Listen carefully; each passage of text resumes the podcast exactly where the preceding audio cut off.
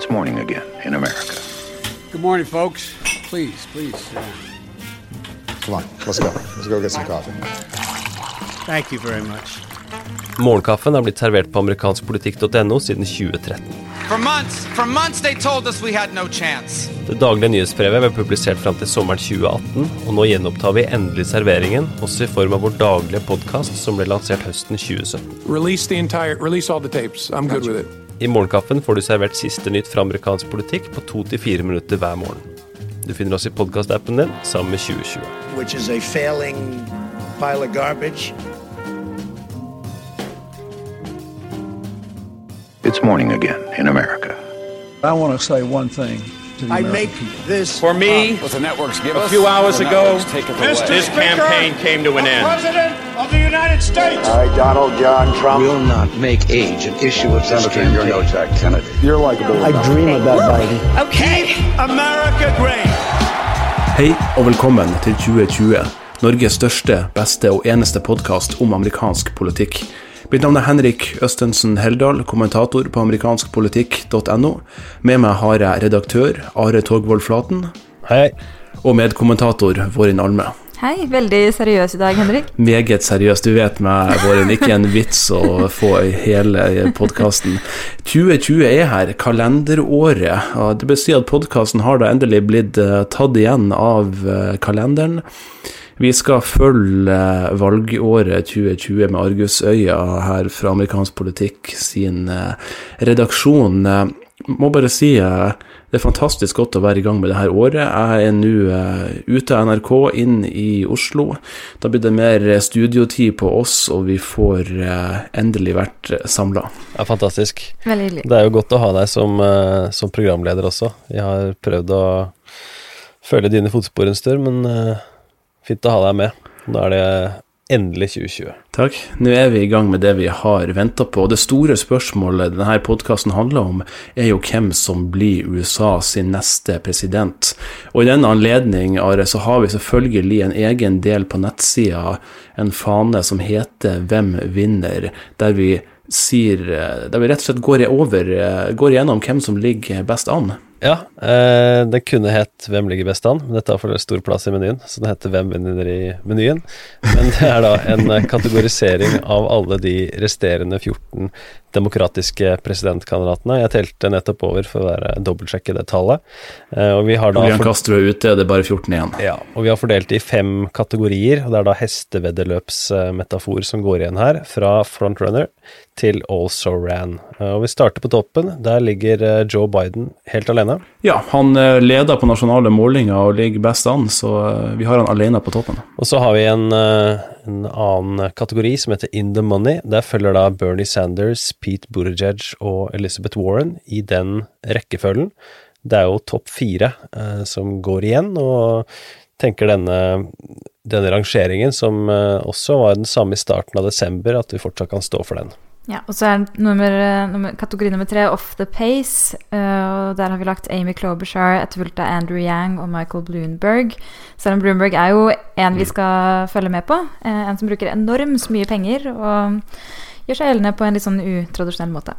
Absolutt. Tre kandidater som fortsatt i hvert fall er med i gamet her, mens i kategori fire off the board har vi tre kandidater som ligger litt bak de tre vi nettopp nevnte. Ja, det er jo da Cory Booker, Tulsi Gabbard og Tom Steyer. Han har jo da disse det slipset som går igjen uh, i hver eneste debatt. Hvordan beskriver vi det slipset? Og hvert, hvert eneste familiebilde, er det ikke det? Og hvert eneste familiebilde. Og jeg skulle eh, Liten digresjon. Jeg skulle kjøpe noen uh, finklær til, uh, til gutta mine. Uh, og så var det sånn kombinert skjorte, sløyfe, vest.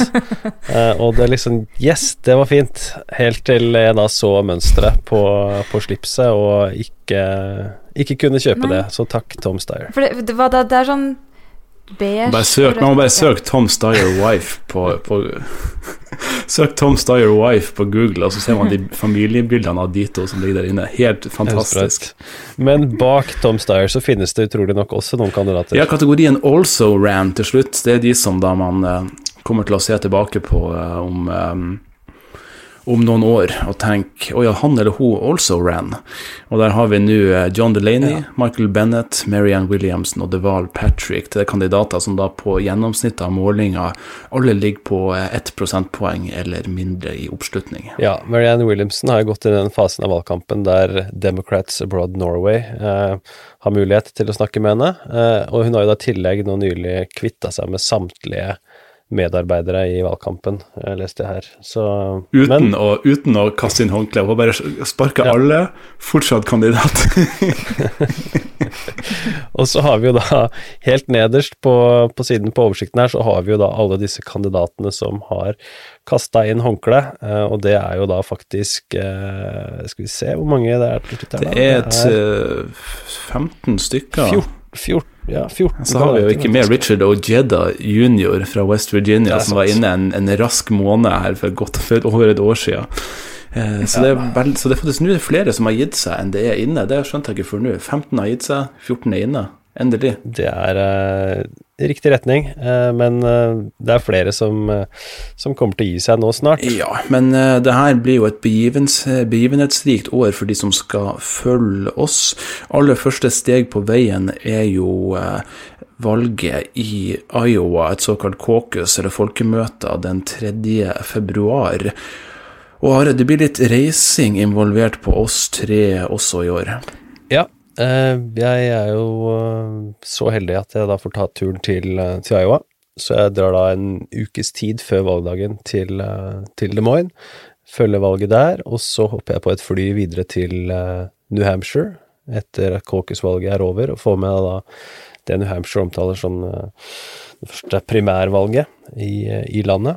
Så får med de to første valgene, og så skulle jeg gjerne vært med på veien videre, men dekker da resten av nominasjonskampen, fram til landsmøtet i hvert fall, fra Norge. Men eh, så setter jo du deg på et fly, Henrik? Ja, den tredje delstaten er jo Nevada, mens den fjerde er South Carolina. Det er jo de her første fire statene i februar med en ukes mellomrom som virkelig eh, setter standarden tidlig, og som virkelig kommer til å få ned antall kandidater. Og lørdag 22. er det Nevada, og uka etterpå, lørdag 29. er det South Carolina. Da skal jeg være til stede. Jeg reiser den 23. rett etter etter Nevada er ferdig. og Sammen med pressekorpset og kandidatene og valgkampene eh, så tar jeg turen eh, til eh, The Palmetto State, som de kaller det. Nydelige, varme, flotte, solrike South Carolina. Og skal bruke ei uke der frem mot primærvalget til å følge den, delta på forskjellige arrangementer og rapportere hjem til de som hører på, de som leser, og selvfølgelig også i podkasten. Og Vårin, du skal uh, blant annet dekke valget på Hawaii, skal du ikke det? ja, det var veldig flott. Men, uh, men jeg skal altså på, på, en rundreise som jeg ikke helt har plan for ennå. Så det blir veldig spennende. Men, men jeg også reiser rett etter Nevada-valget. Og kanskje det blir en tur til South Carolina, så får vi se. Jeg skal i hvert fall være der i tre, ja, tre til fem uker. Det høres helt greit ut. Og så skal begge dere ha med dere mikrofoner når dere reiser. Det skal jeg også, så vi skal jo da levere uh, ymse uh, utgaver av 2020, uh, eh, både til i de vanlige kanalene, også da til de som støtter oss via Patrion. Um, Patrion.com ampol, der vi da kan gi diverse reisebrev, ser jeg for meg. både i Facebook-gruppa, og da også i den uh, egne podkast-feeden ja. som uh, støttespillerne har. Vi må vel bare være så ærlige og direkte og si at uh, en god grunn til at både jeg og du har muligheten til å dra på, på separate turer, er at vi har fått så, gode, så mye god støtte på Patrion som vi Penger som vi ikke har brukt så mye av og fått spart opp og har ja, pga. at vi har støtte fra folk, så har vi muligheten til å gi et enda mm. bedre tilbud, og det er kjempekult. Det er rett og slett uh, fantastisk. Det setter vi veldig stor pris på. Ja. Så, og, men Iowa er jo det første, så vi kan egentlig bare snakke om Iowa. Vi må se litt på ståa på hvor, hvor, det ligger an. Og som jeg ser på uh, eh, 538 sin, uh, sin modell av, av, målingene, så er det tydelig at det er tre kandidater som er i tet i Iowa. Det er Joe Biden på 22% Sanders på ca. 20 og Mayor Pete På ca. 19, som er de tre som er i front i Iowa, mens Elizabeth Warren da er nede på 14 og Amy Klobuchar er på 7 Resten er på 3,5 eller mindre. Are, det her med å gjøre det bra i Iowa rent historisk, det snakkes jo om at man får sånne billetter ut av, ut av de her statene. Kan du forklare litt hva som, hva som menes med det? Ja, uh, tre billetter ut av Iowa, sier man. Uh, det er jo ettersom ingen som da har kommet på fjerde eller lenger ned, har sikra seg nominasjonen. så man sier jo da at skal du være med i gamet, så må du i hvert fall gjøre det greit nok, da, i, i, Iowa. Og det har jo blitt en sånn, en sånn vedtatt sannhet som man snakker om hver eneste gang. Eh, men vel så viktig som man kommer på første, andre eller tredje, da, om vi skal si det på den måten, er eh, narrativet i mediene som, som dannes i forbindelse med caucus-valget. Altså om man innfrir eh, forventningene, eller om man, om man gjør det bedre eller dårligere. Det er vel så viktig, og det er jo bare se på Marco Rubio, som tok en tredjeplass f.eks. I, i, i 2016 på republikansk side.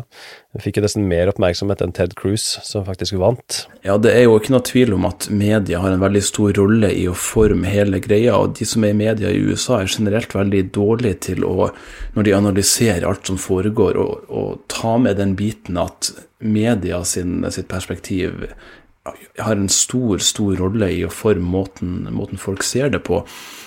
Så for eksempel hvis, ehm, eh, hvis eh, Elizabeth Warren plutselig kommer et halvt prosentpoeng bak Mayor Pete, så kan det være positivt for henne, selv om hun er bak han, og han kan se ut som han har falt, og ingen har lyst til å støtte en, noen som er på vei ned, og da er det sannsynligvis fordi at de er på vei ut til slutt, ikke sant, og sånn blir eh, Sånn blir det hele dekt, veldig horse race-dekking, og det gjør at å spinne det her på en på riktig måte er ekstremt viktig, og, og som du sa, å slå, å slå, forventningene. og Akkurat nå så er det vel eh, ja, Amy Klobuchar kanskje som har mest behov for å, eh, å, knuse sine forventninger i Iowa for å ha sjansen til å ha en levedyktig kampanje videre.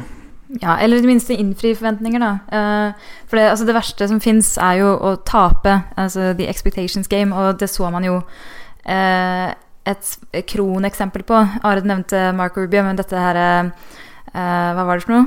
Heter Rubio. 3-2-1? Nei. Strategien hans. Ja. Mm. Ja, altså tredjeplass og så andreplass, og så skulle han vinne i South Carolina. Ja, ikke sant? Og når det kommer ut, så blir det er en drepen.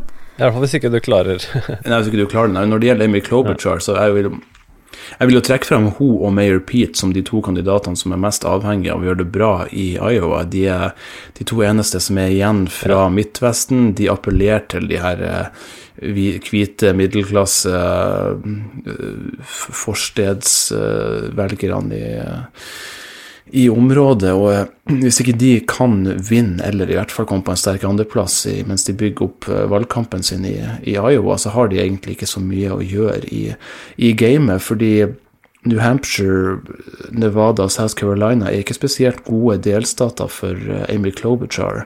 Så hvis hun da ikke gjør det bra i Iowa, så vil hun sannsynligvis ikke gjøre det bra i noen av de tre.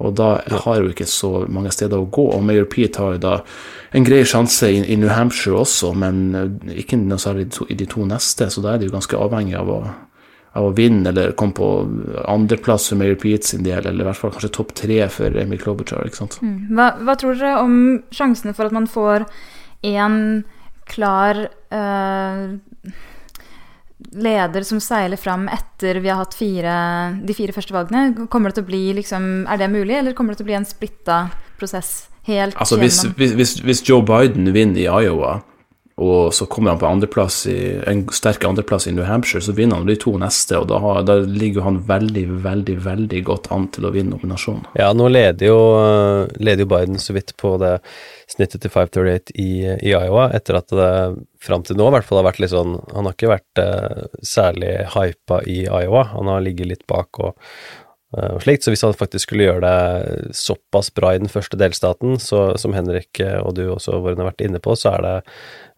kritisk for eh, mayor Pete og Eller mayor, som ikke lenger er mayor. Pete Buttigieg og, og Amy Klobuchar, eh, som, som virkelig må vise til noe i Iowa da, for å holde det gående videre. I hvert fall Klobuchar. Eh, Pete har jo penger, så han kan jo holde det gående, men han er også avhengig av faktisk vise til noe her, da. Mens Bernie Sanders jo kommer til å holde det gående så lenge han bare vil, så mye penger han har. Eh, vi har ikke vært inne på, på Warren, men hun har jo da fått støtteerklæring fra Julian Castro, som kasta inn håndkleet. Hun er altså avhengig av å begynne å klatre litt igjen på målingene, da, for hun har falt uh, farlig langt ned i Iowa med tanke på denne, tanke på denne 15 prosenten som er avhengig for å kunne faktisk uh, gjøre det bra rundt disse ulike caucus-valgene, ellers så må tilhengerne finne seg en annen kandidat. Mm. Og det er jo også et poeng, da. Altså at der, nå har vi akkurat vært gjennom eh, lista med hvordan kandidatene ligger an, og hvem som har falt fra osv., men, men de er jo ikke ute av gamet. Altså, vi har uh, masse poster som skal fylles, og den, uh, den, som etter hvert vinner hele nominasjonen.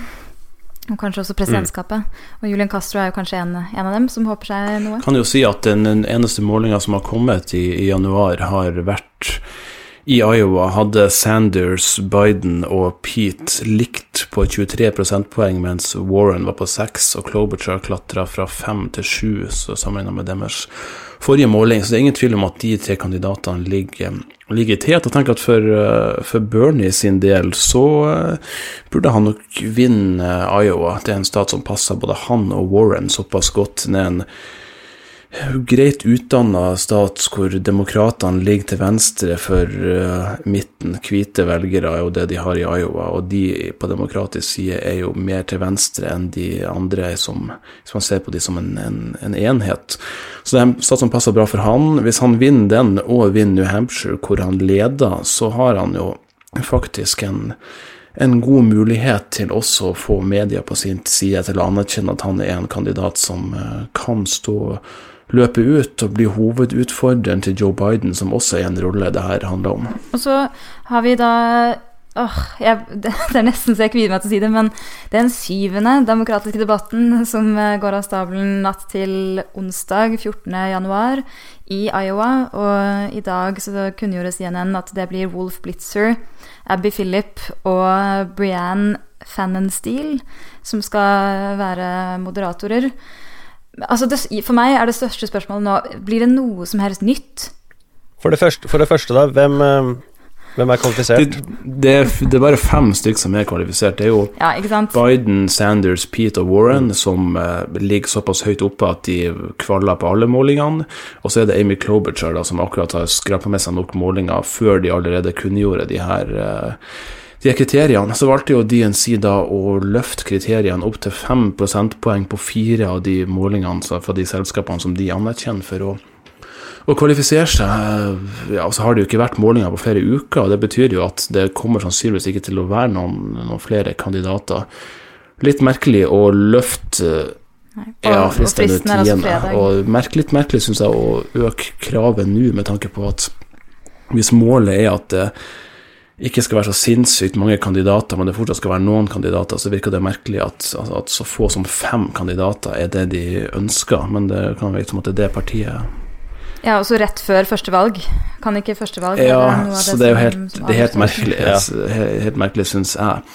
Eh, så har jo da Tom Steyer to målinger, og Andrew Yang har én måling, så de trenger jo da å få tre til eh, innen midnatt på fredag denne uka, den tiende. Nå kommer det ei Monmouth-måling i New Hampshire i morgen som jeg tipper kommer til å ha gjeng på fem. I morgen, altså torsdag? Torsdag, ja, når denne podkasten kommer ut. Og om den kommer til å ha um, Styer på fem, det tviler jeg på, men den kommer til å ha gjeng på fem. Tipp jeg, men det er neppe nok for noen av de til å kvalifisere seg. Og en annen greie er jo med, med Bloomberg, som ikke som har nok målinger, men som ikke er kvalifisert fordi han ikke har samla nok penger fra nok folk.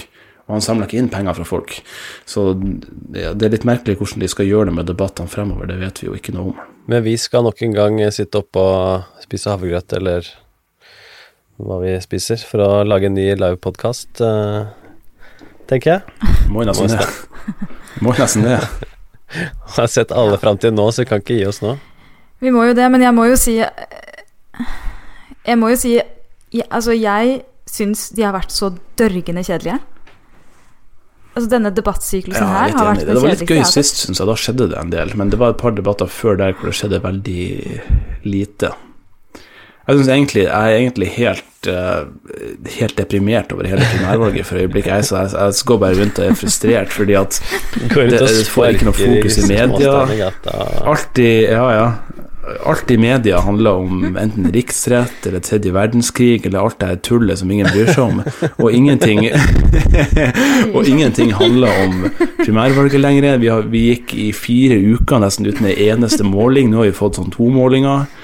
Og ingen vet noe som helst om hva som foregår, og det er altfor få debatter. Det er helt grusomt. Henrik, er du inne i en liten sånn uh, vinterdepresjon her nå? Ja, det er en måte å si det på. Men det er ikke sånn det skal Ja. være på denne tida av året. Nei. Nei. Men jeg tror det blir bedre, altså. Jeg ser Iowa i enden av tunnelen her.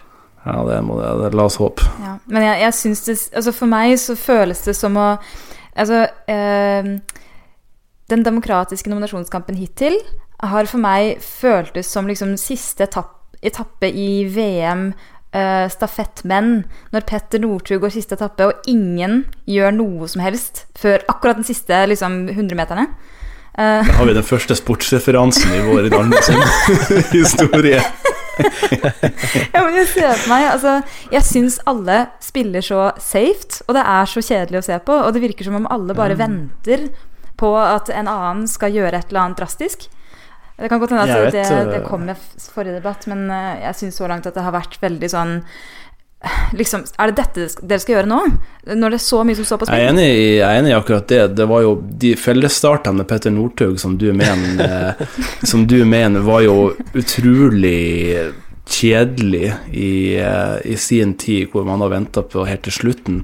Det skjedde jo en revolusjon i de, de femmilene med individuell start, som alle som, som hører på husker, da Johan Olsson vant eh, VM-gullet i Val di Fiemme og gikk tidlig og skapte et, et løp fra starten av som ikke var like kjedelig. Det er det ingen som har gjort i det her primærvalget. Og jeg er enig med Vårin. Av og til så får man en overskrift om at eh, Warren kom med et lite stikk til Der Biden, deg eller igjen, Bernie kom med et lite stikk, og så er det bare sånn Nei, det var ikke et stikk, det var ingenting. Nei, Det er Det nettopp var Og like før Warren ødela hele podkasten her. Med sånn, eh, Alt, men alt bare fisler sammen. Det er ingenting som på en måte faktisk ender opp med å definere denne valgkampen, bortsett fra Og hvem er det som vinner på det? Joe Ja, Biden. bortsett fra Ja. endeløse teknikaliteter om helseforsikring. Altså eh, Ja. ja. Men nå kan vi kanskje komme litt inn på hvorfor eh, pila kanskje peker enda mer i retning Biden. Jeg er blitt så lei av spørsmål om ja, hvem er det som ligger best an i nominasjonskampene? Hvem vinner, da? vinne? Hvem vinner, da? Vi snakker bare om det. Joe Biden, da. Er ikke han litt gammel, da? Jo da, han er jo det, da. Men eh, Beklager til alle ja, det har skjedd en del de siste Det har skjedd en del de siste ukene som jo eh, har styrka aksjene til Biden, Henrik. Jeg vil jo si at bare det at fokuset blir tatt bort fra primærvalgkampen og er skifta over mot om det er riksrett eller om det er tredje verdenskrig, så er det bra for Biden, fordi det er ikke like lett å, å, å, skille seg ut som en mindre kandidat hvis fokuset ikke er på primærvalgkampen, og da kan Biden ligge på sine 27% og cruise inn til en seier. Samtidig så har man jo nå hatt eh, Iran-greia, demokratene er enige. Bernie sier et eller annet om at Biden stemte på Irak-krigen, og alle sier ja, det var dumt, men det var kjempelenge siden, så det går helt fint. Så alt er såpass rolig og fint at eh, det ligger an til til Biden, og man kan jo skjønne det godt at velgerne vil ha Biden, fordi at det er veldig usikkert rundt Trump. Man vil ha det trygge valget. Hvem er, hva er det som kommer til å skje? Hvem kommer til å vinne? Man vil bare ha en kandidat som kan slå, slå Trump, og det er et greit argument øh, for, som folk kan bli overbevist om at det tryggeste valget er bare å gå for Biden og prøve å se om det funker.